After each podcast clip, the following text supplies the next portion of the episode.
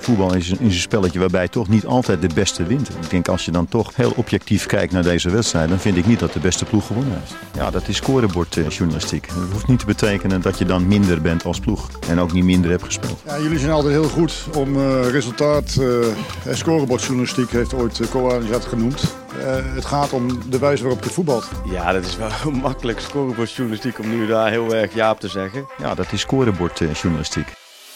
Speelronde 15 in een razend tempo uh, bereiden we jou voor op het uh, Eredivisie weekend wat uh, voor de deur staat. En het is een verlengd weekend, een soort paasweekend hè, met de donderdag en de vrijdag zo erbij getrokken. Heerlijk lang weekend. En Bart, laten we beginnen bij hoe opgelucht jij bent als dataman. Ja, heel. Eindelijk zijn die losse eindjes ook weer klaar. Ja, je zit wekenlang naar een stand te kijken die gewoon niet klopt. Daar krijg ik echt jeuk van. Ik weet niet hoe het met jou zit. Maar... Ik heb er minder last van. Maar het plaatst wel weer iets meer perspectief waar bijvoorbeeld Ajax staat. Ja. Uh, want daar gaan we het ook over hebben.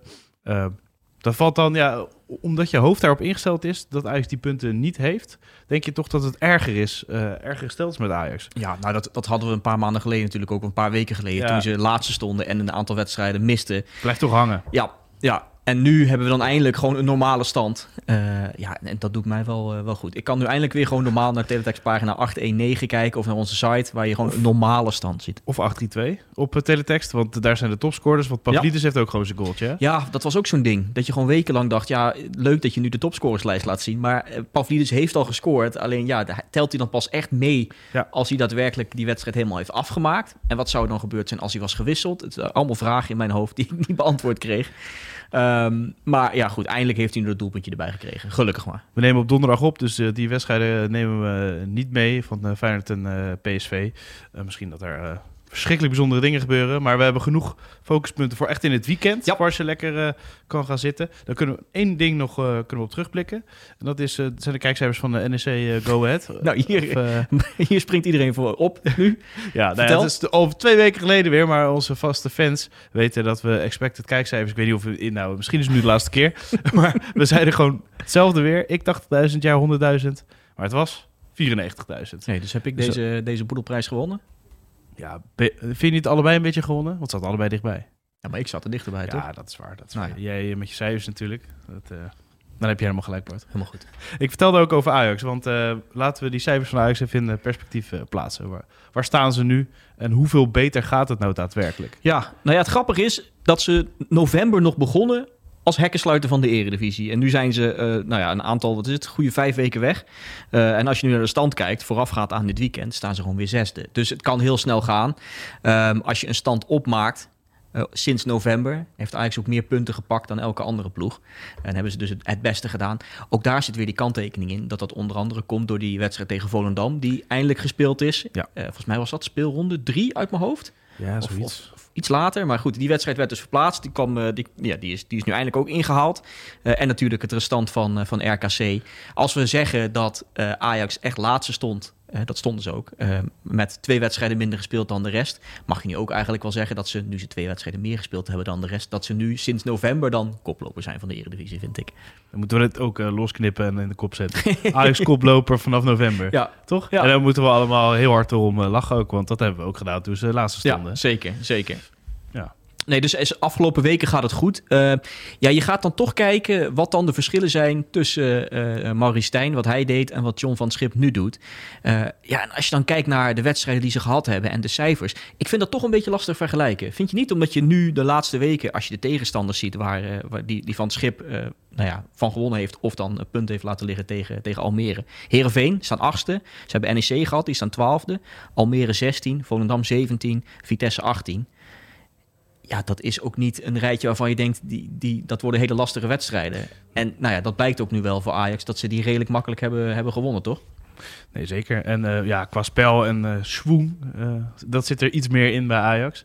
Maar je ziet ook nog wel toch dat ze kwetsbaar zijn. vooral Europees gezien, maar Ja. in de Eredivisie ook wel hoor. Dat je ja, denkt van het hangt soms wel aan een zijdendraadje. Nou ja, kijk, eh, als je aanvallend kijkt, dan is het aantal schoten van 21 eh, naar 21 gegaan. Dat was 14 onder Stijn bijvoorbeeld. Uh, aantal balcontacten in het strafschopgebied van 28 naar 43. Maar ja, houdt daar ook wel dan bij in het achterhoofd dat die tegenstanders wat minder waren. Het is niet dat ze tegen, tegen Feyenoord of PSV gespeeld hebben. nee, ze speelden tegen wat, wat mindere ploegen. Um, wat dan wel opvalt in, in defensief opzicht, zijn, is het nog steeds redelijk broos. het aantal balcontacten van de tegenstander in het strafschopgebied van Ajax is eigenlijk niet veel meer omlaag gegaan. In de laatste wedstrijdjes 23 daarvoor waren het er 25. Dat hebben we eens vaker gezegd in deze podcast. Dat is absurd veel voor Ajax begrippen. Het is, maar het is, het is niet veel minder geworden nog. Het aantal expected goals wat Ajax tegenkreeg is wel iets naar beneden gegaan. Was 1,8 onder Stijn, is nu 1,2. Dus de, de kwaliteit van de kansen die de ploeg tegenkrijgt, uh, dat, dat klinkt al als een aardige verbetering. Maar ook dat, als je dat in een soort breder perspectief plaatst. Uh, er zijn er sinds 2010, 2011 is er maar één seizoen geweest waarin het over een heel jaar meer dan 1,2 was. Dat was in een jaar onder Frank de Boer. Dus ja, het gaat iets beter. Ja. Reken dan wel die tegenstanders mee. Maar het zijn alsnog geen cijfers. Zeker in defensief opzicht waar je, waar je echt heel, heel blij van wordt als, als Ajax-fan, uh, zou je zeggen. Uh, en ja, daar is dan hetgeen waar, uh, waar er werken voor ligt voor uh, Van Schip om dat op te lossen. Zijn het cijfers voor, voor een subtopper of uh, nog net daaronder of zo? Nou ja, dat wel. Het grappige is, als je kijkt naar de expected goals tegen uit open spel, staat Ajax nog gewoon onderaan. Hè? dat ja. is ook wel bijzonder ja. dat dat uh, nu zo in december nog steeds het geval is. nee, het, het, zijn, het zijn matige cijfers. Aanvallend gaat het dus de goede kant op, creëren ze behoorlijk wat. Staan ze volgens mij op de derde plaats, maar verdedigend is het, is het nog gewoon te broos en, en te onzeker wat ze laten zien. Ja, voor dit weekend was dus het verschil nou, meer dan 10 punten in ieder geval. Maar op Feyenoord valt het nu wel mee met, uh, met Ajax natuurlijk. Als je het perspectief plaatst. 9 punten volgens mij van, uh, van Twente. En dan nog wat puntjes boven met Feyenoord. Maar in ieder geval het gat tussen PSV en Feyenoord en Feyenoord en Ajax is ongeveer uh, hetzelfde. Ja, PSV staat 10 punten voor op Feyenoord. Ja. Feyenoord 11 punten voor op Ajax. Ik hoorde ja, Pieter ook al ja. zeggen uh, van... Ja, dat, ja, dat, dat ZSM. Ja, dat klopt niet in je hoofd. En daar heeft hij heel goed, daar heeft hij wel gelijk in. Het is, het is überhaupt grappig dat... Hè, we gaan nu echt met getallen strooien... dat PSV twee keer zoveel punten heeft als Ajax. Dat is al bizar. ook, maar dat er inderdaad dat het gat tussen PSV en Feyenoord... nagenoeg hetzelfde is als tussen Feyenoord en Ajax. Terwijl je dat voor een paar weken geleden had je dat niet voor mogelijk gehouden. Maar welke kans is nou groter? Dat Ajax boven Feyenoord eindigt of Feyenoord boven PSV? Poeh. Uh, ik zou niet weten wat echt de, de, de kansberekeningen en dat soort dingen zijn. Nee, maar als je dat zelf zo dat het kans groter is dat Ajax boven Feyenoord eindigt. Ja, omdat wat, PSV, wat, jij? Ja, omdat PSV zo ongelooflijk stabiel is. Ja. En deze topper ook gewoon... Uh, als, als, je kan winnen in de Kuip, als je kan winnen in de goalsvesten... Ja, dan gaat dat niet zo snel meer mis. Bij Feyenoord ook niet hoor, maar... Bijvoorbeeld AZ en Twente misschien wel haalbare kaart nog voor Ajax. Ja, maar ook daar, en we gaan het zo meteen nog over uh, uh, AZ hebben. Mm -hmm. Ook daar heb je het idee dat AZ en Twente al helemaal afgehaakt zijn op Feyenoord. Maar dat verschil is ook maar twee punten. Ja. Het is een hele gekke stand. Je moet echt, ja. Het is nu eindelijk dat je normaal naar die stand kan kijken zonder de hik te krijgen. Omdat, uh, omdat die niet klopt. Nu klopt je eindelijk. En als je dan eens goed naar die stand gaat kijken, denk je ja. Ja, en als, een rake stand is het eigenlijk. En als AZ gewoon tussen aanhalingstekens van NEC wint, wat je in principe kan verwachten, staan ze gewoon boven Feyenoord. Hè? Dus ja. Apart. Ja, apart. aparte competitie. Aparte podcast, ja. aparte competitie. En uh, het ging de afgelopen tijd veel over Brian uh, Brobby. Tegen Marseille deed hij het bijvoorbeeld goed. Hij zei dat hij de woorden van Marco van Basten wilde logen straffen. Mooi hè, dat je dan toch zo getriggerd wordt hè? Nee, dat snap ik wel. Het is ook niet de eerste en de minste die het, die het nee, zegt. Nee, precies. Het is natuurlijk uh, nee. een aanvaller en die probeert er misschien wel te prikkelen. Maar hij vindt het ook echt hoor, van Basten. Ja, maar wat, wat valt erop bij uh, Brobby? Is er, is er iets veranderd? Um, nou ja, je kreeg het idee dat hij. Dat, dat, maar dat was meer door een soort momentopname tegen Marseille. Dat hij, dat hij iets cooler voor het doel begint te worden. En als je met die, met die goal die hij maakte, waarin hij even in, inhield en daarna de bal erin schoot, dan had je even het gevoel van: hé, hey, dat, is, dat is zoals je Bobby het liefst zou willen zien. Ja. En dat is zoals je ook een spits met oranje potentie het liefst zijn bal zou willen zien afmaken. Eventjes die kalmte voor het doel en dan daarna scoren. Uh, als je naar de laatste weken kijkt, en dan neem ik die wedstrijd tegen RKC ook gewoon mee. Uh, in, in de laatste zes competitie wel steeds een doelpunt of een assist. In totaal drie goals, vier assists. Dus ja, hij lijkt in, op dat vlak op de terugweg en uh, uh, weer, uh, weer in, in goede vorm te komen. Um, het is wel grappig dat je ook wel kunt zeggen, hij heeft maar vijf doelpunten gemaakt dit seizoen. Het zijn ja. ook niet zo gek veel in de eredivisie. Hij had er 7 à 8 mogen verwachten op basis van de kwaliteit van de kansen. Het zijn er maar vijf. En ook dat zijn eigenlijk Ajax onwaardige cijfers. Een spits van Ajax moet er, moet er in deze fase van de competitie een stukje meer maken. Als je kijkt naar uiteindelijk de kwaliteit van de kansen en strafschoppen even wegdenkt bij iedereen, dan hadden alleen Jiménez en Pavlidis uiteindelijk meer doelpunten mogen verwachten dan Bobby. Eh, die hadden er allebei 11 mogen verwachten, ongeveer. Eh, Bobby eh, dus eh, ja, 7 à 8, maakte er dus 5. Ehm, en wat, wat grappig is, ik kan me voorstellen als je een Ajax-fan bent en je gaat naar al die thuiswedstrijden, dat je, dat je denkt, ja, hoe goed is hij nou? Want als je in de arena bent geweest dit hele jaar, dan heb je niet zo gek vaak zien scoren. Nee, dat klopt. Hij heeft, hij heeft in heel 2023 drie doelpunten gemaakt in de arena, in alle competities. Het is natuurlijk wel te linken aan het spel van Ajax in de arena ook. Zeker. En, en als spits is het toch wel lastig. Kijk, het is geen voetballer die hem op linksback gaat ophalen bij de keeper... en eventjes eh, zo de bal in het eh, doel dribbelt. Dus het is ook wel inherent aan de vorm van Ajax, toch? Dus stel, klopt. stel Ajax gaat echt goed draaien... dan gaat hij misschien wel, misschien wel heel erg veel doelpunten maken. Dat klopt, maar van een spits van Ajax in 19,5 uur tijd in de arena dit jaar, drie doelpunten, dat is wel echt te karig, vind ik. Ook al eh, is Ajax niet Ook met die kanttekeningen, eh, dat Ajax in- zeker, in de, zeker onder Stijn niet, eh, niet best speelde. Ik heb best ook alle wedstrijden van, van, van begin, hè, van januari Ja. tot, aan, tot aan juni, reken ik ook mee. Hè? Die, die tellen dus ook allemaal, de, allemaal, allemaal door. Maar Maar ik ben gewoon zo benieuwd als Ajax nu gewoon op redelijk normale manier gaat draaien. Of dat Bobby dan ook gaat excelleren. Of Mhm. dat hij gewoon meegaat en iets beter presteert. ja, nou, daar ben ik ook wel benieuwd naar. Zeker met het oog op het EK. Ja, Waarvan je denkt, dat, dat begint nu een beetje met nu die in vorm begint te komen. En je wat vaker hoort praten. En ook weer, je hebt het gevoel dat hij in een iets beter humeur is. ja. Ik weet niet of we dat ook kunnen staven aan cijfers. Misschien moeten we die... Expected eh, lach. Ja, misschien moeten we dat dus anal- gaan analyseren, die interviews. Maar dat je dan denkt, ja, met, dat oog, met het oog op het EK zou het toch wel lekker zijn... als we nog een spits hebben die er een paar in kan schieten. Die je achter Ja. de hand hebt. Ja, nou Wel Wesley leuk. Snijder eh, riep het, hè? Ja. Ook, ook dat inderdaad. Ja, wel leuk, ik zei net al dat hij zes competitiewedstrijden op rij eh, bij een doelpunt betrokken was. Als hij nu weer bij een doelpunt betrokken is, is dat de, eh, de jongste speler die dat doet sinds Rafael van der Vaart in 2001. De zeven wedstrijden op rij in de Eredivisie voor Ajax. Een doelpunt of een assist. Of allebei. Eh, ja, dat komt niet zo gek vaak voor. Zeker niet op zo'n op zo'n jonge leeftijd. Nou ja, over jonge spelers eh, gesproken, Bart. Want eh, Ajax is hartstikke jong ook, hè? Ja, dat viel Dat me op. vergeet je soms een beetje. Ja, nou ja, kijk, het grappige is, we hebben vorig jaar, ehm, heb ik ook al een keer eh, een verhaal gemaakt, ook voor het blad en de site, dat je eigenlijk bij Ajax een, een soort de ervaring mist. Je mist een leeftijdscategorie. Vorig jaar was dat heel erg ongeveer 26, 30. Dat daar, Ja. je miste daar net even één of twee extra spelers. Zo'n Die de boel Ziyech of zo. of, nou ja, eh, bijvoorbeeld. Of, of, of, nou ja, Tagliafico hadden ze op een Mhm. gegeven moment die ook die leeftijd had. Eh, nou ja, er zat eigenlijk een soort gat tussen tot en met 25 ongeveer en 30 plus.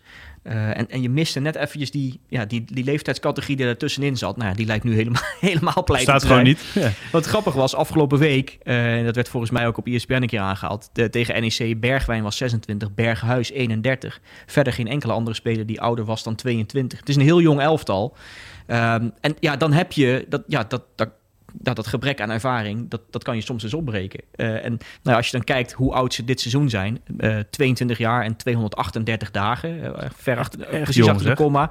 Eh, jongste ploeg in eh, de Eredivisie dit seizoen. Maar als je dat eens vergelijkt met gewoon de hele historie van de Eredivisie, dan waren er maar twee ploegen gemeten over een heel seizoen. In al die jaren, want we gaan terug naar 56, Zo. die nog jonger waren dan dit Ajax. Dat waren DOS en Excelsior. Die waren allebei ook 22, maar in dagen iets jonger. Eh nou, voor DOS moet je terug naar de eind jaren 60, Excelsior begin deze eeuw. Ehm, dat, wel de kanttekening dat Ajax nog een half seizoen moet spelen. Dat die spelers ook wat ouder worden. De Ja. gemiddelde leeftijd gaat wel omhoog. Maar als je het puur nu, als dit een, als dit een soort momentopname is... en dat vergelijkt... dan is Ajax letterlijk een van de, de op twee na jongste ploeg... in de historie van de eredivisie. Het gaat gedeeld door 11. Of gaat het gedeeld door... Ja, het, gaat om de basis. Inderdaad, ja. Dus eh, de, kijk je naar de, naar de basis 11. Dus hopen dat Pasveer eh er niet weer in komt. Dan heb Nee, je een probleem. En, en nog wat extra jonkies. eh gooi je er ook nog wel bij. Dan kan Ajax een gooi gaan doen. Nou, inderdaad, om het aan het einde van het seizoen te eindigen als, als jongste ploeg ooit. Kijk, het gaat natuurlijk iets ouder worden, want ja, de spelers Ja. worden ook ouder. Dus eh, misschien kukelen ze nog wel uit de top 10. Maar nu staan ze virtueel derde in die ranglijst. Ja, dat is toch wel bijzonder. Die, die ervaring mis je bij Ajax. Je mist eh, nou ja, bijvoorbeeld omdat eh eh, Roelie is nu weer fit. Die hadden ze erin kunnen zetten. Eh, wordt niet gedaan. Dus de- er zit wel wat op de bank wat je zou kunnen gebruiken. Alleen waar Van het Schip de laatste weken voor kiest, is echt piepjong. Ja, en is dat ook ehm, dat je volgend seizoen echt gaat oogsten, denk je?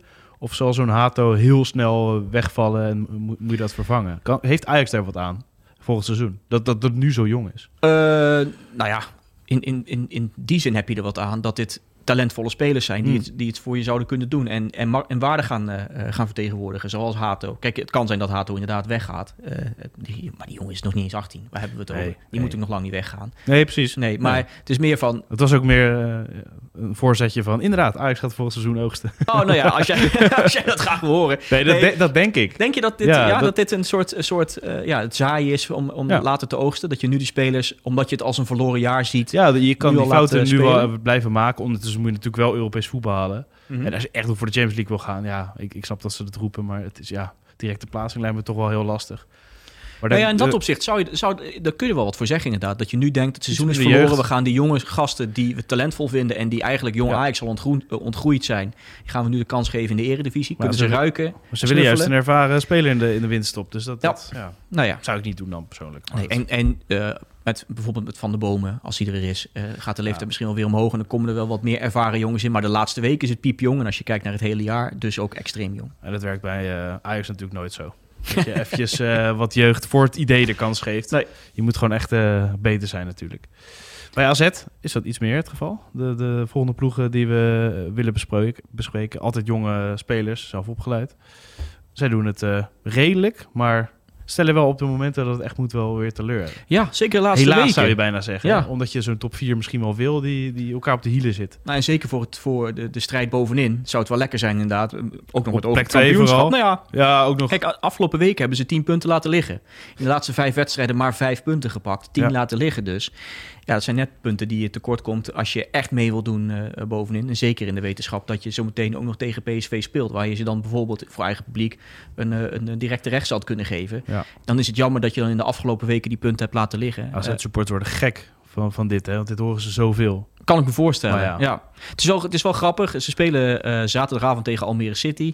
Ehm, afgelopen week hadden ze een bonuspuntje kunnen pakken. Want ja, die wedstrijd Ja. tegen NEC moesten ze nog een blessuretijd spelen. Wel wat bleef- kansen, hè? Ja, nou, Ja. wat kansen. Ja. Aardig wat kansen. Al moet wel gezegd worden, ik, volgens mij, de grootste kans van die wedstrijd, daar werd veel op ingezoomd, die van Max Meerdink.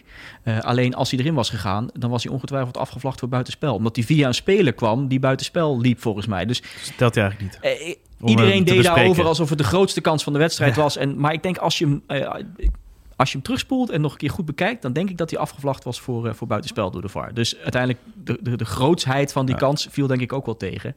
Ehm, wat, alsnog, hè, eh, AZ pakte dan geen punten. Staat wel knap in de top 4. Die top 4, ehm, ik, ik wilde graag eens kijken... Hoe uniek is het nou dat die echt een gaatje hebben geslagen met de rest? Kijk, PSV staat ook weer op, voor, op een aardig eind voor. Maar de top 4 heeft een, heeft een mooi gaatje geslagen met de rest Ja. van de eredivisie. Go ahead. Ehm, als, je dan, als je dan die punten bij elkaar optelt van de eerste vier, kom je uit op 134. Nooit eerder was dat meer dan, dan nu. Ah. Er was één seizoen, eind jaren 60, waarin de top 4, omgerekend naar drie punten voor een overwinning, want je Ja. kreeg toen maar twee, eh, ook samen 134 punten pakte. Eh, om maar aan te geven dat het best wel uniek is hoe goed die top 4 het doet. Terwijl je toch ook AZ, hebben we net gezegd, wat punten hebben laten liggen. Ja. eh, ten opzichte van de rest van de eredivisie. Dus dat er inderdaad echt een top is. En daarna het rest van soepie. En eh, vergeleken met andere tegenstanders doet AZ het ook wel iets minder. Hè? Vergeleken in die top 4 zelf. Ja, nou ja, ik, we hebben een tijd geleden, was dat twee weken geleden, had, kwam ik aan met zo'n eh, zo'n gekke formule waarin je dus het gemiddeld aantal punten wat de ploeg zelf pakt. Waar mensen van vroegen, kunnen we dat ook even toepassen op het amateurvoetbal? Ja, ik kreeg nog eh, een vraag of dat ook te doen was voor het amateurvoetbal. Eh, nou ja, wat, wat ik dan doe, en er is een site voor me die dat allemaal uitrekent. eh, de- dus je, je rekent uit nou ja, hoeveel punten pak jij gemiddeld per wedstrijd en doet dat, vermenigvuldigt dat met het gemiddeld aantal punten wat jouw tegenstanders pakken in of thuiswedstrijden, als je ze daar getroffen hebt, of in Ze uitwedstrijden. neemt ook nog thuis en uit mee. Ja, Om, dat factor je nog in. En als je dan kijkt naar de resultaten, dan heeft PSV het het beste gedaan. Eh, daarna Twente verrassend genoeg. Daarna Feyenoord. En AZ staat toch wel op een redelijke afstand. Dus dat, dat zegt wat over de ploegen die ze getroffen hebben. En uiteindelijk de punten die ze zelf gepakt hebben. Wat dan misschien iets minder indrukwekkend is als, eh, eh, als je, ja, in, in vergelijking met die andere topclubs. AZ is eh, aanvallend wat wankel eh, op de flanken. Defensief eh, zijn ze wat beter. Ja, maar dat, daar hoor je niet zoveel over, vind ik. Vind je wel? Nee, nee, omdat het veel gaat over eh, ja, dat die flanken een beetje inwisselbaar zijn.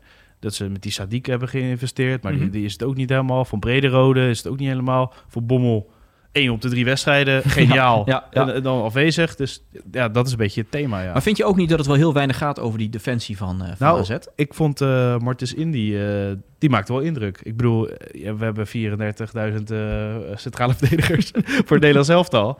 Maar ja, anders, in een andere tijd had hij zijn kans wel geroken voor het EK, denk ik. Ja, misschien wel. Het is grappig, want AZ kreeg pas negen doelpunten tegen. Dat is voor de Alkmaarders de één na beste start ooit. Alleen in 2019-20 kregen ze er nog minder tegen in deze fase van de competitie. Toen duurde die competitie trouwens niet zo heel lang, Maar want die werd eruit gegooid vanwege corona. dat is niet heel verdedigend spelen of zo, hè? Nee. Dat is echt gewoon goed verdedigen. Maar goed, dat doen ze goed, ja. Ze krijgen de minste expected goals tegen van alle ploegen dit seizoen. Ook de minste expected goals uit open spel tegen, als je dat even nog, nog nader wil eh, specificeren. Ehm, en wat vooral knap is aan het defensieve werk van AZ, is dat ze ehm, de tegenstander niet in hun eigen 16 laten komen. Kijk, Feyenoord, hebben we het vaker volgens mij over gehad, is Het buiten categorie. Eh, nou ja, Feyenoord die, die, komt, die laat de tegenstander amper in de eigen Ja. 16 komen. Of in, in dus, dus in het strafschopgebied waar, eh, waar Feyenoord moet verdedigen Hmm. voor de goede orde. Eh, en AZ die volgt, eh, volgt daarna als, als één na beste ploeg dit seizoen. Um, maar het is vooral de progressie die de AZ erin geboekt heeft. Vorig jaar had er gemiddeld, uh, kreeg AZ gemiddeld 19 balcontacten tegen in het strafschopgebied. Dit seizoen nog maar 14. Dus er is echt een, echt een hele hap af. Een kwart eraf, ruim een ja. kwart. Um, en nou, de laatste keer dat AZ tot zulke soort cijfers kwam was in 2010, 2011. Dan moet je echt een heel eind terug.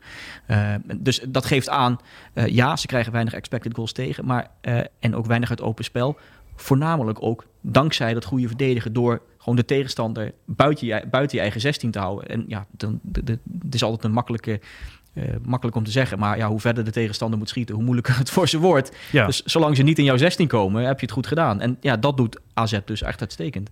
Ja, misschien wel echt met de terugkeer van Martini dan uh, te maken. Ja, nou ja, het grappige is, Bazoer staat daar, uh, die Muller-Wolven.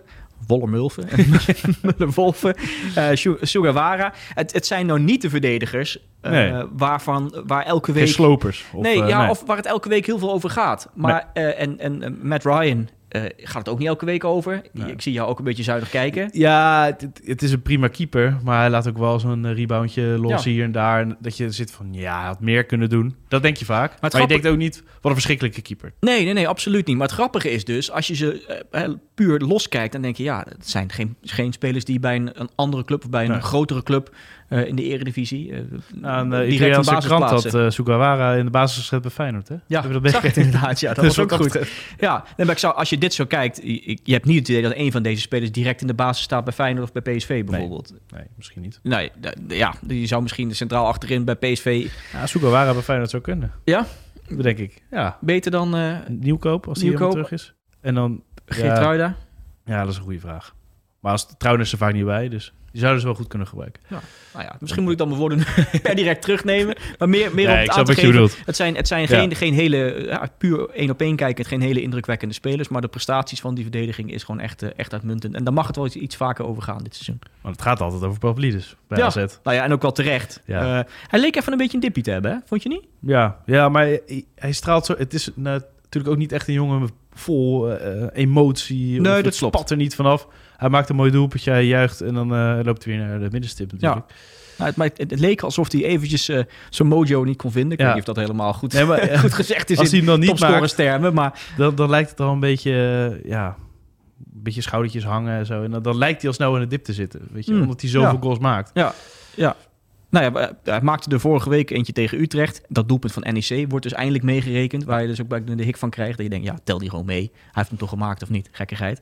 Um, daardoor staat hij nu op 25 doelpunten in 2023. Je moet terug naar 1980 voor de laatste AZ-speler... die in een kalenderjaar zoveel doelpunten wist te maken. Ja, jij kent deze denk ik niet. Ik ook amper. Kurt Weltel. Uh, ik ken de naam. ik ken de naam wel, maar uh, geen idee. Uh, in ieder geval niet zien spelen. Nee, nee dus je moet echt een, echt een heel eind terug in de geschiedenis... voor de laatste speler die in een kalender jaar zoveel doelpunten wist te maken voor AZ in de Eredivisie. Er is één speler die het nog beter deed. Nou, dan kom je altijd uit op Kees Kist. Ja, het gaat altijd, als het over topscorers gaat, gaat het bij AZ altijd over Kees Kist. Jiménez nog één goal om dat te evenaden. Ja, want Kees, Kees Kist, Kist zijn beste jaar voor AZ was 31 goals. Uh, nou ja, AZ speelt nog tegen Almere City, dus dit weekend. Daarna nog tegen PSV. Ik, ik denk, ja, hij staat nu op 25, Pavlidis. Ik denk dat 6 iets te veel gevraagd is hè, om te maken. Ja, maar de hat tegen Almere zou zomaar kunnen. Ja, die zijn niet zo goed de laatste tijd, hè? Nou ja, ja tegen Heracles uh, noemde Pastoor dat ze een beetje in de wolken waren... en al bezig waren met wat transfertjes en zo. Maar ze was wel de meest geflatteerde 5-0 overwinning ooit, voor mijn gevoel. Ja, dat Dus- gevoel kreeg ik ook wel een beetje, ja. Maar alsnog denk je, ja, ik hoorde eh, van de week ook eh, wat, wat, jongens eh, van Almere praten. Alsof ze, en die, die kwamen eigenlijk wel tot de conclusie dat de code van Almere een beetje gekraakt lijkt te zijn. Ja. Pastor, we moeten weer wat anders doen. Ja. Maar dat vindt hij alleen maar, alleen maar Ja, leuk, joh. denk ik. Die zat er weer te, te puzzelen en te rekenen Misschien en te van doen. 5-3-2 weer terug naar 4-3 of... ja, ik weet niet wat die eh, in petto Oh, heeft. dit is wel een leuk wedstrijdje, denk ik. Hoor. AZ Almere City. Zeker, gaan we kijken. En nog eentje, Go Ahead Utrecht. En dan zoomen we vooral even in op, eh, op Utrecht. Die lijken een beetje op te krabbelen. Ja, dat is grappig. Nogmaals, we nemen het op op donderdag. Van, dus je, je luistert dit later. Maar eh, donderdagavond spelen eh, PSV nog en, en Feyenoord. Laat je die even buiten beschouwing. En kijk je puur... Als je de speelronde ingaat naar de ploegen die het langst ongeslagen zijn... is PSV dat natuurlijk. Maar daarna Utrecht, samen met Ajax. Hm. Nou, die zag ik echt niet aankomen. Nee, Jij wel? wel veel gelijkspelletjes. Ja, nee. dat klopt. Ze hebben gewonnen. De laatste zes wedstrijden niet verloren. Ja, tegen Sparta, dat was echt... Sparta speelde misschien wel even als beste wedstrijden. Ja, Verliest met 1-2. Over geflatteerde dingen gesproken, inderdaad. Zo. Die zou je mee kunnen rekenen. Nou ja, gewonnen van Ajax en Sparta. Gelijk tegen Fortuna, Twente, Excelsior en AZ.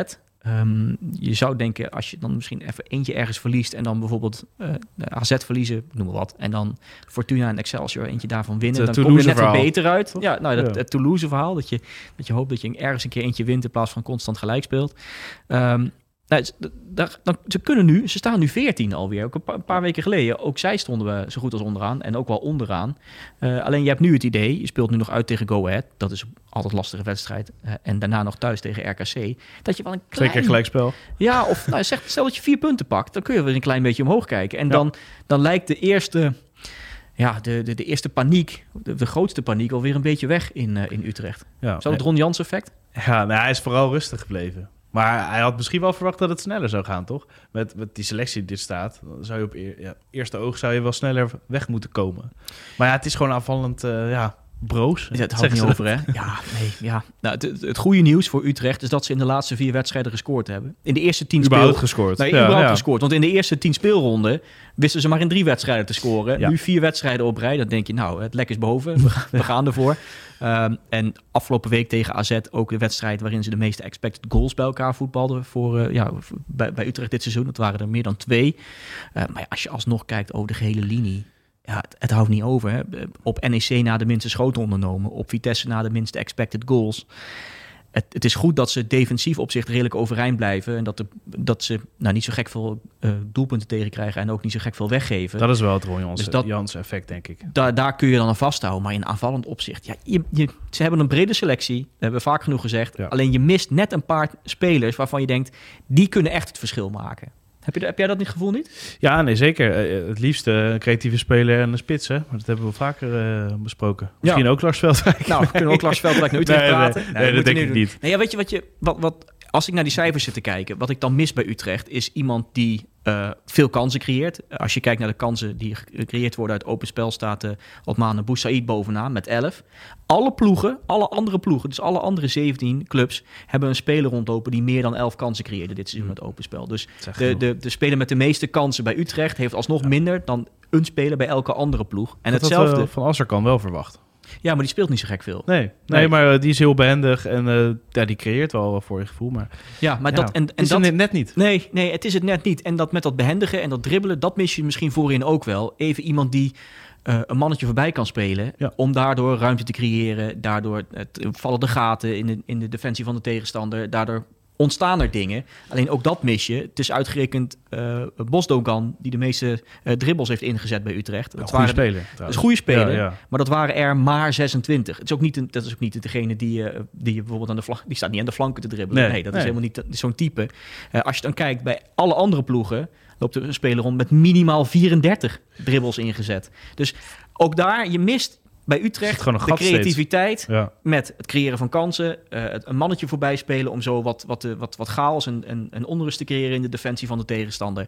Ehm, nou, dat had Azar, Azar kan kunnen zijn, maar die speelt te weinig. Ja, maar moet je hem gewoon niet meer opstellen als je dit soort cijfers eh, leest Ja, of hoort? van wel. Ja. Ja, Nee, dat zou je wel bijna zeggen. Ja, hij zal andere keuzes maken en misschien ook wel eh, vanuit een iets defensievere gedachte. Dat zou kunnen. Hij is Eh, fysiek niet, niet top natuurlijk en verdedigend zal dat ook niet helpen. Dat dat je fysiek eh, heel ja, Nee. klein bent. Maar, Nou, ik moest denken, kijk, afgelopen jaar was het, liep er ook niet echt iemand rond die heel veel dribbelde bij, eh, bij Utrecht. Maar een paar Nee. jaar geleden hadden ze bijvoorbeeld Girano Kerk. Nou, die Ja. kon je een boodschap sturen. Ja. Die, eh, die, die, die holde lekker met de bal aan de voet heen en weer en sp- spelers voorbij. ze hebben Elia nog gehad ook. Ja, dat maar- soort spelers. Ja, maar je mist bij Utrecht nu die, die creativiteit om, om aanvallend nog gevaarlijker te worden. Om, om collega's in stelling te brengen. En, ja, en dan, ja, als je die niet hebt, is het niet gek dat je inderdaad ene laatste staat qua schoten en ene laatste qua expected goals. Een tip voor Utrecht? Wat, eh, Wie ze moeten halen. Ja, creatief Oeh. is op... eh, En had ik even moeten kijken. Of. Op, op, ja, altijd Driouche. Kun Huh? je altijd noemen. Nee, ik had even moeten kijken. ja, op, eh, staat er hoog op die lijstjes ja, die ja, zeker. zeker. Die Nee, wel een dipje heeft nu trouwens. De ah, hele aanval van Excelsior, maar... ik had eigenlijk even moeten kijken op Transfermarkt... of we nog zo'n Veldwijk-achtige ti- combinatie eh, tip konden geven. Ja, maar Utrecht kan natuurlijk wel iets meer eh, Ja. dan Vitesse kan, waar we het eh, vorige week over hadden met versterkingen. Dus daar, kan je toch wel wat verwachten. Ja, Van Zeumeren, die ja, gaat er gewoon twee halen. jij denkt, ik, Dat- ik trek de knip. Dat En- denk ik wel. Dat denk ik wel. Ja, Als het huur eh, van een topclub of nou, er zal in die ongetwijfeld iets gebeuren in de winterstop. Ja, maar ja. eh, laten dan ook een paar spelers vertrekken... die eh, op de bank zitten of op de tribune zitten te verpieteren. Want ja, die, Ja. die- die- Liedberg. dat is al zo'n enorme selectie die ze daar hebben. Maar goed, als ze dan, als ja. ze dan toch een scoutingsrapport moeten maken... eh, en, en iemand of, voor iets moeten gaan, eh, gaan, gaan zoeken... zou ik zeggen, iemand die en veel kansen creëert... en een keer een speler voorbij dribbelt. Nou, het Rius dus. Tekenen we dit daar ook afklop, afkloppen Ja, nu? die zou wat moeten kosten natuurlijk. Denk het ook maar wel. inderdaad, binnen transferadvies eh, voor Utrecht. Creativiteit. Hey, donderdagavond een paar leuke we- wedstrijdjes. Dat, ja, je luistert nu dus later, maar wat is de wedstrijd waar jij het meest naar uitkijkt dit weekend? Dit weekend. Nou, ehm, ik weet het niet eigenlijk. Ik, ik ben wel benieuwd eh, naar Ajax eigenlijk. Of dat eh, zo doortrekt. Ja, Ajax-Sparta. Daar hebben we het Ja. vrij lang over gehad. En of Sparta, ja, dat ja, het bleef een beetje een zo-zo seizoen. Als ik zo de Spartanen om me heen eh, spreek. Maar of ze dan echt Ajax het lastig kunnen maken. Toch na Go Ahead. Volgens mij dan de ploeg die eh, de top 4 een beetje lastig moet maken, toch? Ja, maar toch ook niet op de lange termijn. Nee, nee op de lange termijn niet, maar op dit moment dan. Ja, En dan heb je Heerenveen tegen PSV natuurlijk. Daar moet kijken we overheen. Maar eh, ja, nou ja, dat is het ook het linkerrijtje. Ja. Ja. ja, dat is allemaal inwisselbaar voor eh, ongeveer de bovenkant van het rechterrijtje. Dus zo is het. Hadden we het net over. Hey, nog één, eh, één rondje hierna. Dan is het eh, Winterstop. winterstop. Dan gaan we, gaan we dan ook in winterstop? Nou, heel lang. Gaan we, gaan we, Onder de klamme lappen. Kom er niet meer, kom er niet meer onderuit voor twee weken. gaan we, gaan we het jaar nog eh, nabeschouwen? Nou, daar moeten we eens over na denken. Een mooie eh, 2023 eh, special. Scoreboard journalistiek. Ja, daar zullen we eens over nadenken. Live de redactievergadering zo op het einde. Bedankt Bart. Voetbal is een, is een spelletje waarbij toch niet altijd de beste wint. Ik denk als je dan toch heel objectief kijkt naar deze wedstrijd, dan vind ik niet dat de beste ploeg gewonnen heeft. Ja, dat is scorebordjournalistiek. Dat hoeft niet te betekenen dat je dan minder bent als ploeg en ook niet minder hebt gespeeld. Ja, jullie zijn altijd heel goed om eh, resultaat. eh en scorebordjournalistiek heeft ooit uh, Koanjat genoemd. Eh, het gaat om de wijze waarop je voetbalt. Ja, dat is wel makkelijk scorebordjournalistiek om nu daar heel erg ja op te zeggen. Ja, dat is scorebordjournalistiek.